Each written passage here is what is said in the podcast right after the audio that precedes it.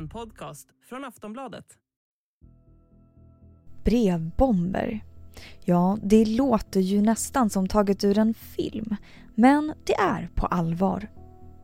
De senaste dagarna så har flera brev med sprängämne och små metallkulor eller med djurögon och röd vätska skickats ut runt om i Europa. Spain stepped up security at public and diplomatic buildings on Thursday after a spate of letter bombs. A number of packages were sent to official buildings, including Prime Minister Pedro Sanchez's office and the Ukrainian embassy in Madrid. It was later disarmed by his security team. Vem eller vilka som har skickat dem, det vet man fortfarande inte. Men mottagarna känner man givetvis till. Det är ukrainska ambassader och konsulat och andra politiska ämbeten runt om i Ungern, Nederländerna, Polen, Kroatien, Tjeckien, Italien och Spanien. Och i Vatikanstaten ska entrén till Ukrainas ambassadör ha vandaliserats. Motivet då? Ja, inget är klarlagt men valet av mottagare gör att det spekuleras i att det kan ha en koppling till kriget i Ukraina. Men inget är som sagt säkert. Så vad är det senaste spåret just nu i jakten på avsändaren? Det har också kommit uppgifter om att brevbomberna skulle vara hemmagjorda. Vad vet man om det? Har de utsatta länderna något speciellt gemensamt? Och behöver vi vänta oss fler farliga brev framöver?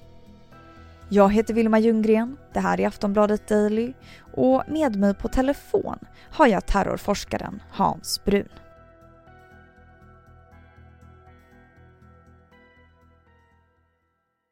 Hej Hans och välkommen hit. Tack så mycket. Kan du börja med att berätta för oss om de här brevbomberna? Ja, nu är det ju ett antal brev, en handfull brevbomber som har skickats ifrån en okänd adressat någonstans i Spanien. Så vitt jag vet så har man identifierat orten som de kommer ifrån men man vet inte så mycket mer än det. Och det verkar ju finnas en röd tråd med Ukraina här. Eh, man vet ju inte vem som ligger bakom det men kan man tolka in ett motiv som har att göra med Ukraina-kriget eller vad tror du? Ja, det är inte omöjligt eftersom flera av måltavlorna har haft en anknytning till Ukraina eller vapenexport till Ukraina. Så att den hypotesen är väl kanske den som de flesta jobbar efter just nu. Men det är också viktigt då att hålla ett eh, öppet sinne här och inte snöa in på ett enda spår. Det kan finnas andra tänkbara förklaringar också. Mm. Länderna som har mottagit de här brevbomberna, har de någonting gemensamt? Nej, inte förutom att det är inflytelserika personer på olika sätt och att flera av dem har kopplingar till Ukraina mm. eh, på olika sätt. Och har myndigheterna i de länderna uttalat sig om brevbomberna? Eh, det har kommit vissa sporad, liksom, ganska eh, vardagliga uppgifter från de spanska myndigheterna. Eh, man har nämnt då att, att, man har identifierat staden då, som de har skickats ifrån. Men inte så mycket mer än det. Och Ukrainas utrikesminister Kuleba, han har ju sagt att han tror att det här rör sig om en välplanerad terrorkampanj mot ukrainska beskickningar. Eh, vad säger du om det? Det kan mycket väl vara så, men vi måste också hålla i minnet Även om, om vi sympatiserar med Ukraina och Ukrainas kamp mot den här ockupationen då. Eh, så att det, det ligger väldigt mycket politisk retorik i det också. Det är hans, det är hans jobb att, att presentera problemet på det sättet. Eh, det kan mycket väl vara så, men vi vet för lite än så länge för att säga det med säkerhet. Dessutom kan jag kanske personligen tycka att om det här nu ska vara en systematisk kampanj mot Ukraina så hade jag kanske förväntat mig fler och större eh, åtgärder än det här. Och det här är obehagligt och farligt, absolut, men det, det, det är ändå förhållandevis lite för att komma från en statsaktör som Ryssland, om det nu är Ryssland som ligger bakom det här. Om vi pratar om själva breven då, hur lätt är det egentligen att skicka iväg eh, en sån här brevbomb? Går de liksom inte igenom någon typ av säkerhetskontroll eller hur funkar det? Ja, det är enorma volymer som hanteras av posten och olika budorganisationer varje dag. Och det är inte så att varje brev kontrolleras manuellt inom ett land. Eh, går det utanför EU till USA till exempel eller tvärtom, då finns det andra sätt. Då gör man en noggrannare kontroll av utlandspost. Eh, men det bästa sättet, typiskt sett, är att kontrollera posten när den kommer fram till mottagaren. Det är där man kan göra den här riktiga ordentliga genomgången. Och den här typen av mottagare, olika företag och organisationer som eh, har motståndare, de brukar ha system på plats för det här redan. Men att skicka iväg ett sånt brev, det är inte så svårt i sig? Det är inte helt okomplicerat att hantera olika typer av sprängmedel oavsett om det är brandfarliga medel eller sprängmedel med splitter. Det kan vara ganska farligt. Så att det kräver en viss kunskap. Det är inte jättesvårt men man måste ha lite, lite kunskap faktiskt. Men det känns ju också lite som ett trubbigt vapen. Hur stor är risken att någon annan än måltavlan drabbas av det? Ja, den är ju ganska stor och det har ju hänt eh, tidigare, speciellt under 70-talet, att o, eh, oskyldiga så att säga, inom citationstecken, kom till skada. Och med oskyldiga då, alltså, så menar jag brevbärare och personer som hanterar posten. Alltså personer som inte var avsedda som måltavla. Aftonbladet Daily är strax tillbaka. Hej, jag Ryan Reynolds. At Mint Mobile, we like to do the opposite of what Big Wireless does. They charge you a lot, we charge you a little. So naturally, when they announced they'd be raising their prices due to inflation, we decided to deflate our prices due to not hating you. That's right. We're cutting the price of Mint Unlimited from $30 a month to just $15 a month. Give it a try at mintmobile.com slash switch. $45 upfront for three months plus taxes and fees. Promo for new customers for limited time. Unlimited more than 40 gigabytes per month. Slows. Full terms at mintmobile.com.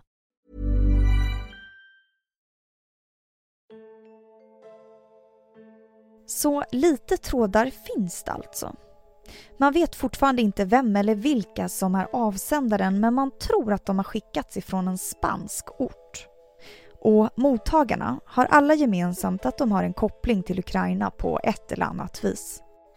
Nu ligger bollen hos polisen, men hur lätt är det egentligen för dem att reda ut vem som har skickat det här? Vi hör Hans Brun igen. Det kan vara ganska svårt, men man har lyckats med det tidigare i, i ett historiskt perspektiv. Och det finns nog en hel del hopp att man till slut ska kunna nysta ut det här också. I slutändan så beror det på hur pass skicklig avsändaren har varit med att sopa igen spåren efter sig. Och om vi pratar om just avsändaren, varför använder man sig av brevbomber just? Därför att det är ett ganska lätt och enkelt sätt att nå eh, specifika måltavlor utan att utsätta sig för större risker. Det blir en slags distans då till mellan måltavlan och eh, förövaren. Finns det några nackdelar med, med det? Ja, det är väl det att det är lite svårhanterligt och det är svårt att se om man verkligen når hela vägen fram. Det finns ju, en, finns ju alltid en risk att man upptäcks eller att eh, den här eh, anordningen detonerar i förtid. Och hittills har ju inga av de här fallen i Europa lett till några dödsfall. Jag tror en person har eh, skadats i handen. Men eh, skulle du säga att skrämsel är liksom den stora potensen i det här? Ja, skräm, dels skrämseln, alltså oron och att nu tvingas olika organisationer kontrollera sin post ännu noggrannare. Och sen också publiciteten och uppmärksamheten.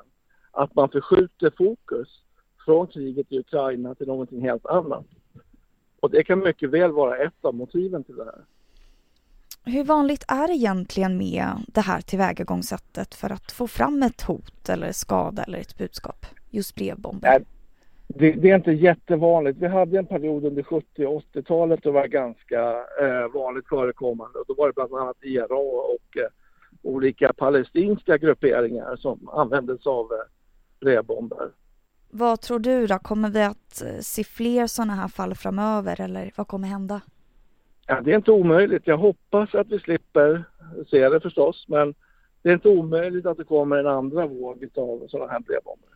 Och hur allvarligt skulle du säga att det är, det som har skickats och hänt nu?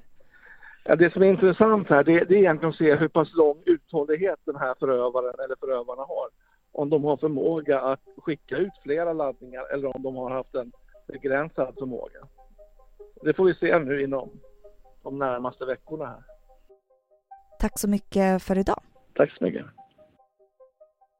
Du hörde precis terrorforskaren Hans Brun. Och jag som gjorde det här avsnittet heter Vilma Ljunggren. Tack för att du har lyssnat.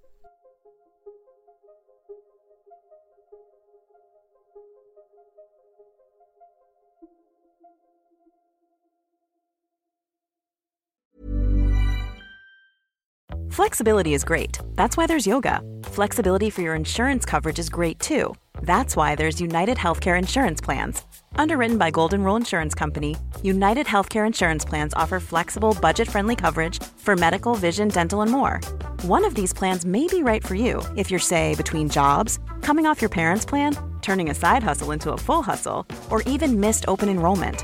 Want more flexibility? Find out more about United Healthcare Insurance Plans at uh1.com. Du har lyssnat på en podcast från Aftonbladet. Ansvarig utgivare är Lena K Samuelsson.